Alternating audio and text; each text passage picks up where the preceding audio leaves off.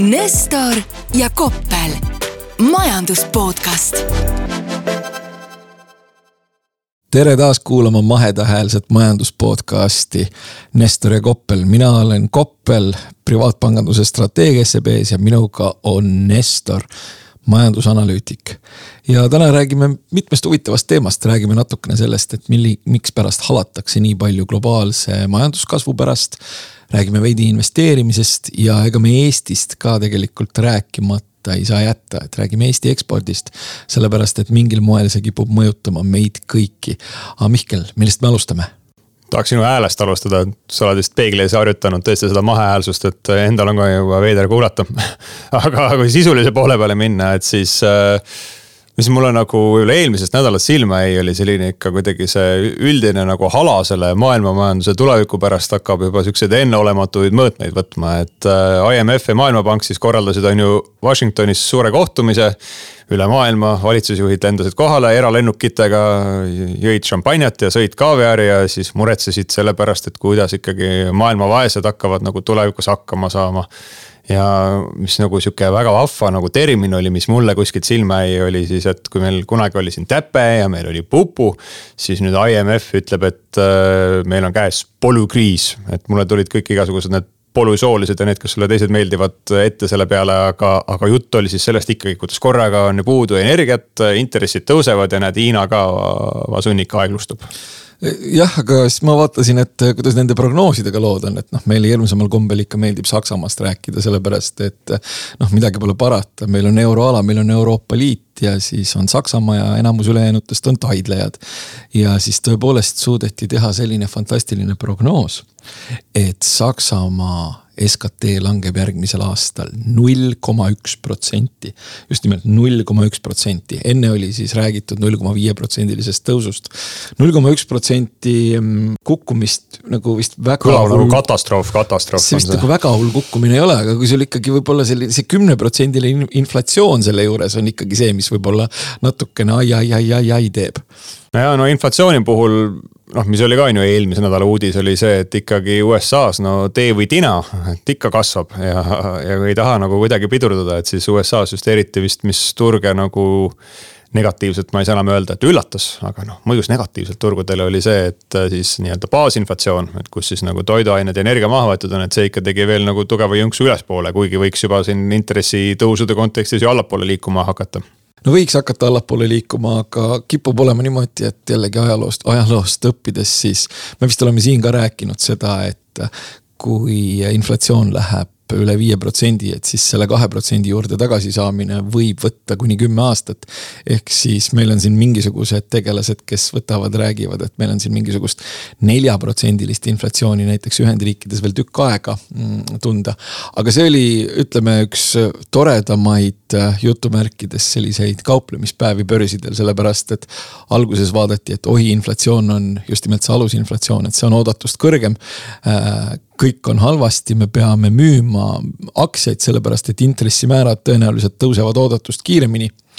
ja siis hakati sellele inflatsioonile sisse vaatama ja leiti, et oi, et üks komponent, et üür on see, mis on võib-olla natukene näitamas sellist inflatsiooni äh, võib-olla kontrolli all, mitte kontrolli alla saamist, vaid võib-olla sellist natukene leigemaks muutumist.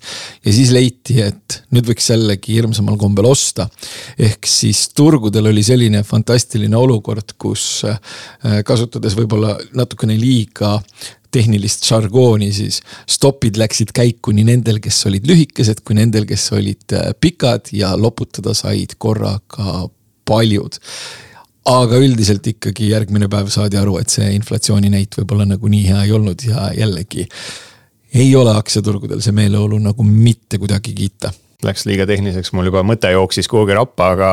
aga no selle globaalse hala juurde tagasi tulles, et noh, nagu noh, nutetakse seal ütleme riigipeade tasandil küll, aga noh, tegelikkuses ju endiselt intressimäärasid tõstetakse ja nagu elu läheb nagu vanaviisi edasi, et. kas see nagu ala ikka on niivõrd põhjendatud sinu hinnangul? Võib-olla see hala ei ole nüüd nagu, see hala on rohkem võib-olla sellistel konkreetsetesse valdkondadesse kontsentreerunud, kus on tõesti keeruline, sellepärast et noh, kui sa ikkagi äh, oletame, et sa ajad mingisugust äri, mis on madala marginaaliga ja kus on energia oluline sisend, siis sa põhimõtteliselt äh, pead oma poe kinni panema äh,. oletame, et sa oled selline jällegi inimene, kes ei ole elanud poest suhu nagu keskklass, vaid kes on elanud peost suhu ja kui ta siis siis avastab, et äh, tema energiakulu on märkimisväärselt üles läinud. Äh, rääkimata sellest, et ka see poest ostetav, äh, mida siis suhu pannakse, et ka selle hind on märkimisväärselt tõusnud. et see selline inflatsioonivalu teatud segmentides on noh, ilmselgelt ikkagi, ikkagi väga suur. ja mis seal salata, eks see tekitab ka sellist poliitilist ebastabiilsust ja rahulolematust.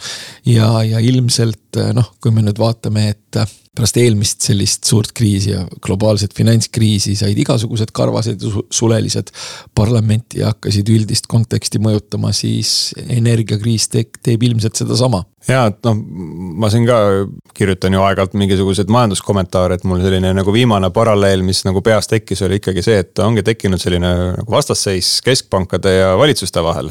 et äh, karvased ja sulelised seal valitsustes, et äh, olgu nad millised tahes, et äh, kõik nagu haistavad, et rahvale väga ei meeldi see, kui hinnad väga kiiresti tõusevad, ehk siis peaks midagi ette võtma. samas keskpankurid nagu omaenda arsenali siis kasutades proovivad seda inflatsiooni kuidagi allapoole tuua. aga seal need kaks maailma omavahel põrkuvadki, et kui inflatsiooni alla tahad tuua, pead ju nõudlust vähendama. kuidas nõudlust vähendada, pead nagu raha vähendama, mis inimestel siis nii-öelda tarbimiseks eh, kätte jääb, aga noh, valitsusele see ei meeldi, tema tahab jälle raha rohkem rahvale kätte anda, et need rõõmsamad oleksid, et eh, kuidas sa on ju lahendad sihukese patiseisu? ei no sellist patiseisu ei olegi võimalik lahendada, see parim viis sellist, sellise patiseisuga tegelemiseks on see, et sellist patiseisu ei lastagi üldiselt äh, tekkida. sellepärast, et praegu me teoreetiliselt võime ikkagi liikuda sellise stsenaariumi suunas, et äh, noh, kuna meil dollar tõuseb liiga kiiresti, kuna meil intressimäärad mitte ainult keskpankade kontekstis, vaid ka turu kontekstis tõusevad hästi kiiresti, et siis ühel hetkel kellelgi on kuskil valus, hästi valus. Ja kui kuskil midagi murdub, siis ega nüüd väga palju mitte mingisugust selliseid lahendusi justkui selle murdumise nakkamiseks terve, tervesse süsteemi ei ole, et siis võidakse jällegi nagu rahatrükki käivitada. et see Inglismaa näide juba sellest ajutisest rahatrükist äh,. sellepärast, et kui intressimäärad turu pärast liiga kiiresti liiga kõrgele liikusid, et see pretsedent on olemas. ja, ja, ja ma absoluutselt ei saa välistada seda, et, et, et, et see ühel hetkel muutub jällegi nii-öelda selliseks üldisemaks reaalsuseks. aga sihuke nagu vahva kombinatsioon, millele mina võib-olla olen mõelnud, ongi see, et kus sul äh, ühelt poolt intressimäärad on nagu väga kõrged, tõusevad selleks, et inflatsiooni piirata. aga et, nagu sa nimetasid, on ju, et on mingeid kohti, kus kellelgi on nagu õudselt, õudselt valus juba et äh, tegelikult läbi selle rahatrüki siis nagu proovitakse neid valusaid kohti jälle nagu kuidagi pehmendada, et äh, noh, ühe käega võtad ja teisega nagu annad, aga. Aga et just, et noh, kõigil nagu võib-olla see valu kuidagi ühtlasemalt siis jaotuks.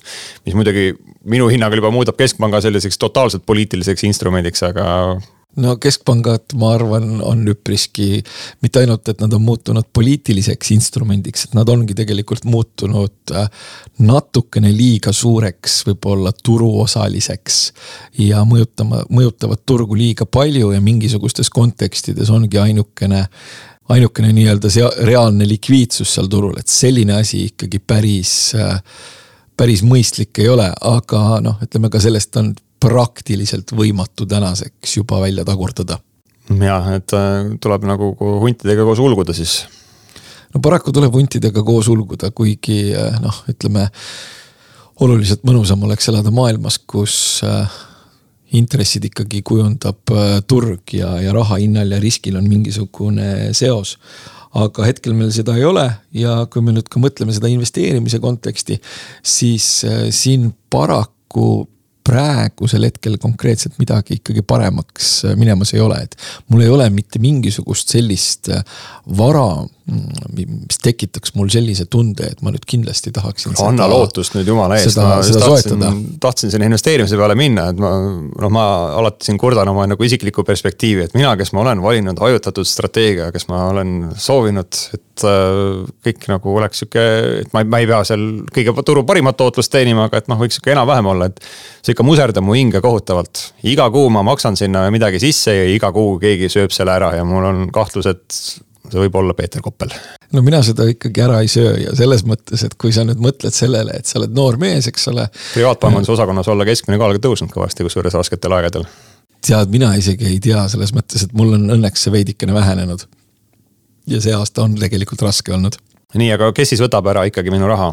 Äh, raha võtab ära esiteks asjaolu, et intressid tõusevad, mis tähendab seda, et äh, valuatsioonid lähevad alla raha võtab ära see, et intressid tõusevad tõenäoliselt veel ja raha võtab ära ka tõenäoliselt see, mida me mainisime juba, et see hala selle globaalse majanduskasvu pärast.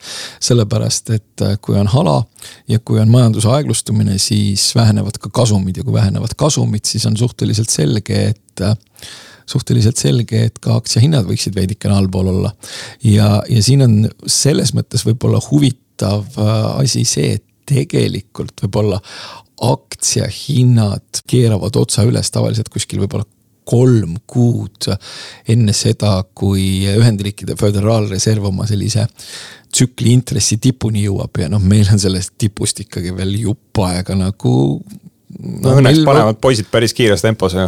poisid panevad päris kiires tempos, aga seda kolme kuud ja seda intressitippu, et seda meil on ikkagi paraku veel tükk aega oodata. ma võin sinuga jagada nagu seda, et eh, kuidas makroanalüütik saab siin nagu baaskursust investeerimises rasketel aegadel on see, et eh, noh, ütleme makroanalüütikul oli siin juba jupp aega nagu tunne, et nagu intressimäärad need ikkagi nagu võivad on ju kuhugi maale jõuda meil, et noh, teab, kas nüüd see neli pluss protsendini, mis ta seal juba USA-s on, aga nagu tundus, et tõusevad ja noh, õigel ajal teate, olin tark mees, fikseerisin Euribori ära.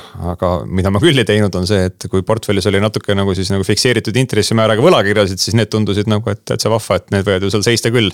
nüüd vaatad, et ahah, kuidas see nüüd juhtus jah, selles mõttes, et mis puudutab võlakirju, siis äh, oli üks tore tabel, mida sai hiljuti vaadatud, et äh, kus siis oli seitsmekümnendate algusest peale Ühendriikide riigivõla, äh, riigivõlakirjade siis nii-öelda tootlused või siis, et palju oli võimalik riigivõlgadega teenida. ja siis olid sellised äh, paar-kolm halvimat aastat ja need paar-kolm halvimat aastat olid sellised noh, miinus kaks ja miinus kolm. ja, ja siis oli nüüd siis see aasta oli miinus viisteist või vabandust, see ei olnud mitte Ühendriikide riigivõlg, vaid see oli agregeeritud äh, kogu siis võlakirjaturg. et noh põhimõtteliselt äh, viimase rohkem kui viiekümne aasta jooksul olid üksikud, üksikud aastad, kus oli siis õnnestunud võlakirjaturult saada negatiivset äh, nii-öelda nominaaltootlust ja siis nüüd on laksaki nominaaltootlus miinus viisteist ja inflatsioon ka veel otsa. ja sellega on selles mõttes kole lugu, et äh, noh, midagi nii koledat ei ole olnud umbes sada aastat. aga selle kõige juures, kui sa nüüd, äh, kui me siin räägime, et noh, et võib-olla riskantsete varade osas midagi head hetkel ei paista. aga selle kõige juures on üks kohutavalt hea asjaolu, üks nagu tõeliselt magus fakt ja see magus fakt. panid mingi hea panuse õigel hetkel. see magus fakt on, on, on see, et mitte kunagi, mitte kunagi siis nii-öelda selles ajaloos, mille kohta on statistika olemas. ei ole olnud kahte aastat järjest, kus nii aktsiaid kui võlakirjad äh, langeks. mis siis tähendab seda, et noh, kui me ajaloost üritame midagi õppida, siis järgmine aasta emb-kumb vähemalt Äh, võiks nagu kenasti plussi jääda. ma tean, et ütleme, ma olen lugenud nagu raamatuid, kus on äh, mingisugused erinevatel aegadel erinevad USA väga targad mehed ja naised on teinud siukseid riskifonde mingi sellistel eeldustel, et kunagi ei juhtu nagu see asi ja siis ta üks hetk juhtub ei, selles mõttes äh, väga hea raamat, kusjuures pealkirjaga ma autoreid ei mäleta, on When geniuses fail. mis siis põhimõtteliselt. hea lugesin, vot seda ma, mul oligi just. see on, see on, see on fantastiline raamat, see põhimõtteliselt näitab ära selle, kuidas äh, inimesed, kes saavad Nobeli preemiaid, võtavad, äh, võivad vaimustuda ise, iseenese intellektist ja mitte arvestada seda, et, et maailm ei ole nagu ja tulevik ei ole matemaatiliselt välja arvutatud arvutatav. nii et äh, lugege seda, eriti siis, kui teil tekib oht, et te hakkate iseenda intellektist liiga vaimustuma. aga see fakt on huvitav, see on fakt on huvitav, et meil ei ole sellist ajaloolist pretsedenti, kus kaks aastat järjest nii aktsiad kui võlakirjad oleksid allapoole laksanud. ehk siis suure tõenäosusega või noh, ütleme mõistliku tõenäosusega. emb-kumb neist järgmisel aastal liigub ka ülesse ja noh, selline fifty-fifty valik võib-olla tavaliselt need äh, tõenäosused ei ole nagu võib-olla nii soodsad kui, kui, kui seekord, kui nüüd uskuda seda, seda, seda ajaloolist asjaolu. sa mainisid siin seda nagu seost siis äh, Föderaalreservi intressi tsükli ja, ja aktsiaturgude vahel nii-öelda, et millal miskid kasvama hakkavad, ütlesid, et kui on jõutud nagu noh, kolm kuud enne siis platood nii-öelda hakkab turg kosuma, aga noh, mina olen ka kogu aeg vaadanud ikkagi seda seost nagu reaalmajandusega, et et äh, noh, ka siin ikkagi nagu turg kipub tugevalt ju eest ära lippama, et äh, ma ka nagu makromehena ütleme, sihuke. tunne on sihuke, et äkki ühel hetkel see turg ikka nagu pöördub ja võib ka nagu sihukest optimistlikumat majandusstatistikat lugema hakata, aga noh no ilmselt küll, sellepärast et sellistes paremates õpikutes on sellised huvitavad äh, graafikud, kus siis on ütleme, sellised ilusaid äh, sinusoidaalsed äh, nii-öelda graafikud ja siis on, kuidas kõigepealt teeb aktsiaturg sellise sinusoidaalse graafiku. ja siis on sinna peale joonistatud siis mõningase hilinemisega, mõnekuulise hilinemisega siis selline majandustsükli graafik. et neid graafikuid üldiselt Äh, tasub tudeerida, samamoodi nagu tasub tänasel hetkel tudeerida, äh, mõelda välja, mida kõike osta siis, kui majandustsükkel pöörduma peaks. ja mida kõike osta siis, kui intressimäärad uuesti alanema peaksid hakkama. et see plaan võiks valmis olla, aga mis puudutab seda sinu muret seda, seda, et sa põhimõtteliselt tegeled sellise regulaarse paigutamisega. ja kogu aeg seal keegi näkitseb selle kallal, kes ei ole isegi mitte mina. siis selle kohta ma ütleksin nii, et noh, nagu ma ütlesin, et sa oled noor mees, sul on hästi pikk investeerimishorisont. ja isegi kui sa nüüd vaatad selliseid suhteliselt ebameeldivaid äh, olukordi nagu näiteks äh, mm, oli tehnoloogia mull või oli suur finantskriis. ja tegelikult äh, kõik need, kes distsiplineeritult äh, selle aja jooksul investeerimisega tegelesid, et äh, nad, nad küll mingisugusel hetkel olid ebameeldivalt vee all. aga kui nad nii-öelda samm-sammult ikkagi edasi akumuleerisid, siis lõppkokkuvõttes veidikenegi pikemas perspektiivis olid nad äh, selgelt paremas kohas kui siis, kui nad ei oleks seda teinud. ja tänase olukorra kohta võib öelda seda, et noh, et kui sa ikkagi tegeled sellise distsiplineeritud, stabiilse, pideva sää-, mitte säästmise, vaid investeerimisega. siis kui sa selle praegu katkestad, siis sa tõenäoliselt ikkagi ühel hetkel avastad, et oi jube palju oleks nagu teenistus parem, kui oleks ikkagi raatsinud odavalt ka osta. ära muretse, ma ei heitu, aga võib-olla see nagu see minu teine see mure, et äh, nihuke see iseenda jalga tulistatud lask äh, läbi fikseeritud intressimääraga võlakirjade. et äh, sellele tegelikult on nagu väga selline otsene nagu mõju majanduse finantseerimisele. Eesti kontekstis muidugi meil on neid võlakirja emissioone siin olnud ikkagi nagu näpuotsa täis, aga noh, kui siin väiksemad äh, väljad, pangad äh, täna tahaksid nagu fikseeritud intressimääraga laenu võtta, et äh, mis siis nagu, mis number tuleks? oi-oi, vaata seda ma ei oska öelda, ma kardan, et see number oleks nii suur, et ma ehmataks ise ka praegu ära aga no selle poolest tegelikult täna nagu noh, et jällegi, et Eesti kontekstis võib-olla see läbi võlakirjade enda finantseerimine ei ole niivõrd levinud tegevus või noh. see on pigem sihuke niši, niši küsimus, et meie siin toidame ennast läbi pangandussektori, eks investeeringuid tehes. aga kui mõelda nagu võib-olla Euroopa peale laiemalt, et noh, see mure on ju selles mõttes igal pool täpselt samasugune, et intressimäärad tõusevad. et äh, kui Eesti riik juba siin on ju nelja protsendiga nagu laenu võttis, et siis äh, sellised ärimudelid, et kes on võib-olla harjunud kuskilt turgudelt nagu raha kaasama, et äh, päris keeruline sellises situatsioonis no on loomulikult päris keeruline, kui sa pead hakkama mingisuguseid äh, odavaid laene kallilt üle rullima. ja jällegi samamoodi nagu sai mainitud, igasuguseid äh, madala marginaaliga mm, tegelasi, kellel energiahinnad tõmbavad vaiba alt ära, siis. kindlasti on ka neid, kellel tõmbavad äh, kasvavad intressimäärad vaibalt alt, vaiba alt ära. aga sellega on selline lugu, et see on jällegi see koht, kus võib-olla turumajandus on ilus madala marginaaliga ja ainult siis äh, odava raha peal eksisteerinud ärimudelid äh, kui need, need lakkavad eksisteerimast, siis eksisteerib erakordselt suur tõenäosus, et sinna asemele tuleb midagi paremat. ja selle asja nimi on creative destruction. ja see on majanduses üks minu võib-olla, no mitte päris top kolm lemmikväljend, aga no top viies on ta kindlasti ja see tasuks endale meelde jääda, jätta ja võib-olla isegi guugeldada ja selle kohta lugeda. sellepärast, et see on selline asi, mille koht, millest nagu väga paljud inimesed ei kipu aru saama. ja kipuvad hirmsamal kombel kaitsma selliseid iganenud mõttetuid ja ebaefektiivseid ärimudeleid ja rääkima siis ka sellest, kuidas neid tuleb kaitsta ainuüksi sellepärast, et need lahendavad mingisugust sotsiaalset probleemi. no vaata, vaata, aga ütleme, et siin oleme sina ja mina vist üsna ühel meelel, et Euroopas seda creative destruction'it väga ei armastata, et äh, tead, see Saksa vana ettevõte, et tema, kus tema nüüd, issand, ei saa ju see ettevõte ära kaduda, sellepärast et on mingisugune inflatsioon et äh, küll leitakse viis. no Saksamaal ma isegi võib-olla nagu kõige hullemaks näiteks ei pea, sellepärast et nemad ikkagi. no neil on siiamaani vaata hästi läinud, aga ja. nüüd, kui enam ei lähe hästi, et siis see on ikka on, omad, mis see. Nad on seal suutnud tõepoolest äh, nagu, neil on ka ikkagi see odav energia on olnud erakordselt oluline sisend. aga nad on suutnud seal ikkagi õnneks ka sellist nagu päris mahlases koguses innovatsiooni produtseerida. et nüüd tõesti noh, ütleme, kui võib-olla järgmise aasta see Saksamaa majanduslangus ei ole mitte midagi nagu kohutavat. aga inflatsioon rullib ja kui nüüd mõelda sellele, et see energiahinnad näiteks jäävadki nii kõrgeks ja selline Saksamaa deindustrialiseerumine leiab, leiab aset.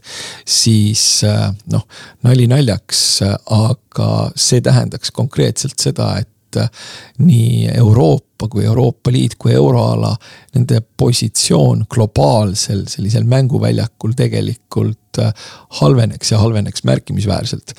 ja selles mõttes on tõesti, et Euroopas seda, seda loo-, hävitust, millele järgneb, eks ole, midagi loovat ja midagi uut, et seda väga ei armastata.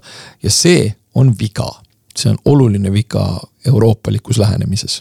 nõus äh, üks teema, mida tahtsin täna veel puudutada, on Eesti eksport, et äh, sina ja mina sõidame koos käsikäes kolmapäeva hommikul läbi hommikuse udu äh, Tartu poole ja osaleme ühel äh, tööstuskonverentsil.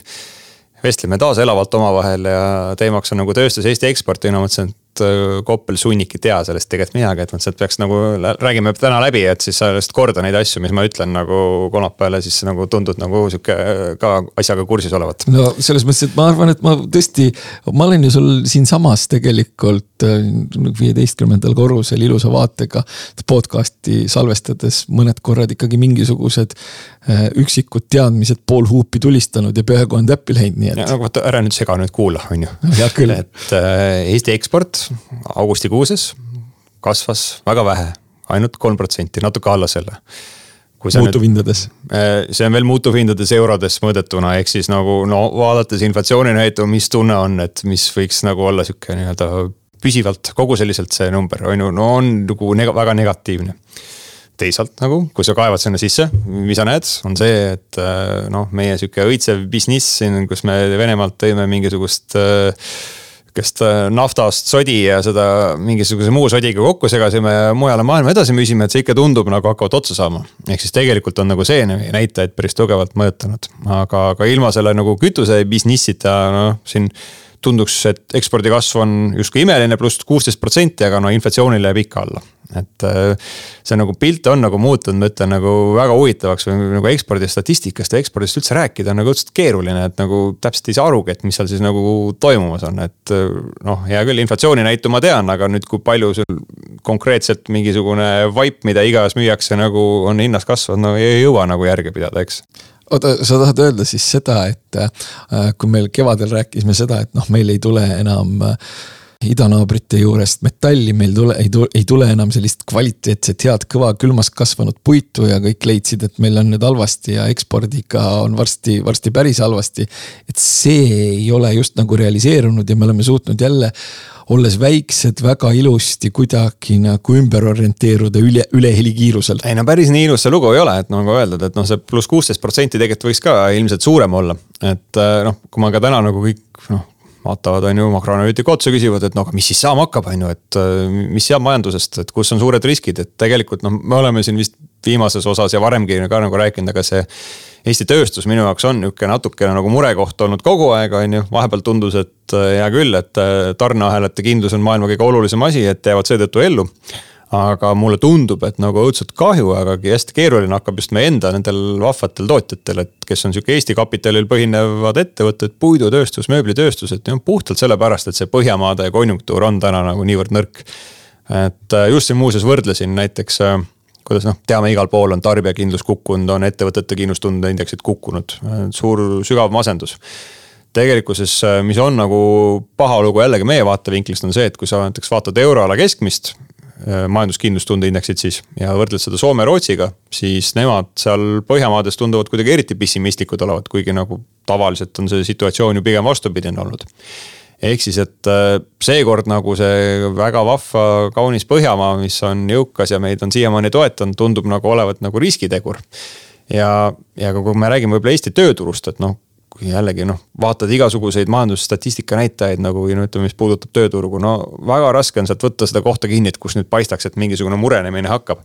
aga lihtsalt just konkreetselt mõeldes võib-olla sellele äh, Põhjamaadega seotud tööstussektorile, valdavalt puit, mööbel ja kes on eriti just väljaspool Tallinnat siis nagu maakondades et mul on nagu üks selline üsna, üsna tõsine mure sellepärast, et kas ja kuivõrd nemad suudavad nagu oma otsi seal nagu kokku tõmmata ja need nagu rasked ajad üle elada jah, no jällegi nüüd on küsimus, et milline, mida siis või kuidas üritada seda rahv- äh,, seda, seda rasket keskkonda defineerida, et noh, kui käive kukub, ma ei tea, kolmkümmend protsenti, mis on selline tsüklilisuse, tsüklilis, tsüklis nagu suhteliselt tavaline asi aeg-ajalt.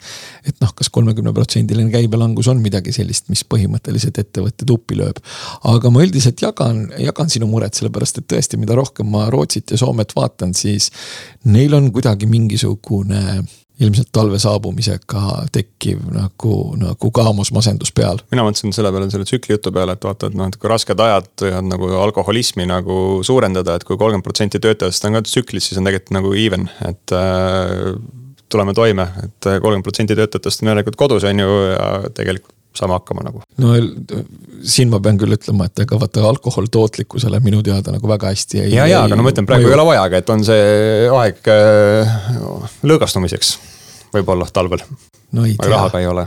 no ei tea, aga kusjuures äh, kui me hakkame tasapisi, tasapisi otsi kokku tõmbama, siis ma võin rääkida millestki, mis on hästi ka et kui nüüd riskantsete varadega ei ole hästi, kui raha läheb kallimaks ja kõik sellised positiivsed arengud, mis olid äh, seoses rahatrükiga, keeravad oma otsa ringi. siis äh, mis sa arvad, mis on juhtunud Hispaanias? soe on seal on, seal on tõepoolest soe, aga nemad on suutnud äh, tekitada endale sellise olukorra, et nad on suutnud natukene oma sellist nii-öelda eelarvepoliitikat parandada, nad on suutnud olla distsiplineeritud ja nad on suutnud olla äh, säästlikud. ja nad on suutnud tekitada olukorra, kus nende olukord on nüüd parem kui Itaalias. see mitte mingisugusel tingimusel ei tähenda seda, et see oleks nüüd otseselt hea aga see on väga, väga hea mõte praegu tegelikult noh, mis absoluutselt ei seondu kuidagi meie eelnevate teemadega, aga ma olen sellele mõelnud, et tegelikult see kiire nominaalse kasvu ehk kiire inflatsiooni ajastu põhimõtteliselt pakub ka valitsustele nagu võimaluse kuidagi nagu sellest äh, august välja kaevata ennast, kuhu nad ennast sisse tavaliselt mähkinud on läbi igasuguste toetuste. et noh, lihtsalt äh, ütled, et rasked ajad, et ma ei saa toetuseid praegu nii palju tõsta, et inflatsioon on siin on ju kakskümmend protsenti Eesti näitel on ju.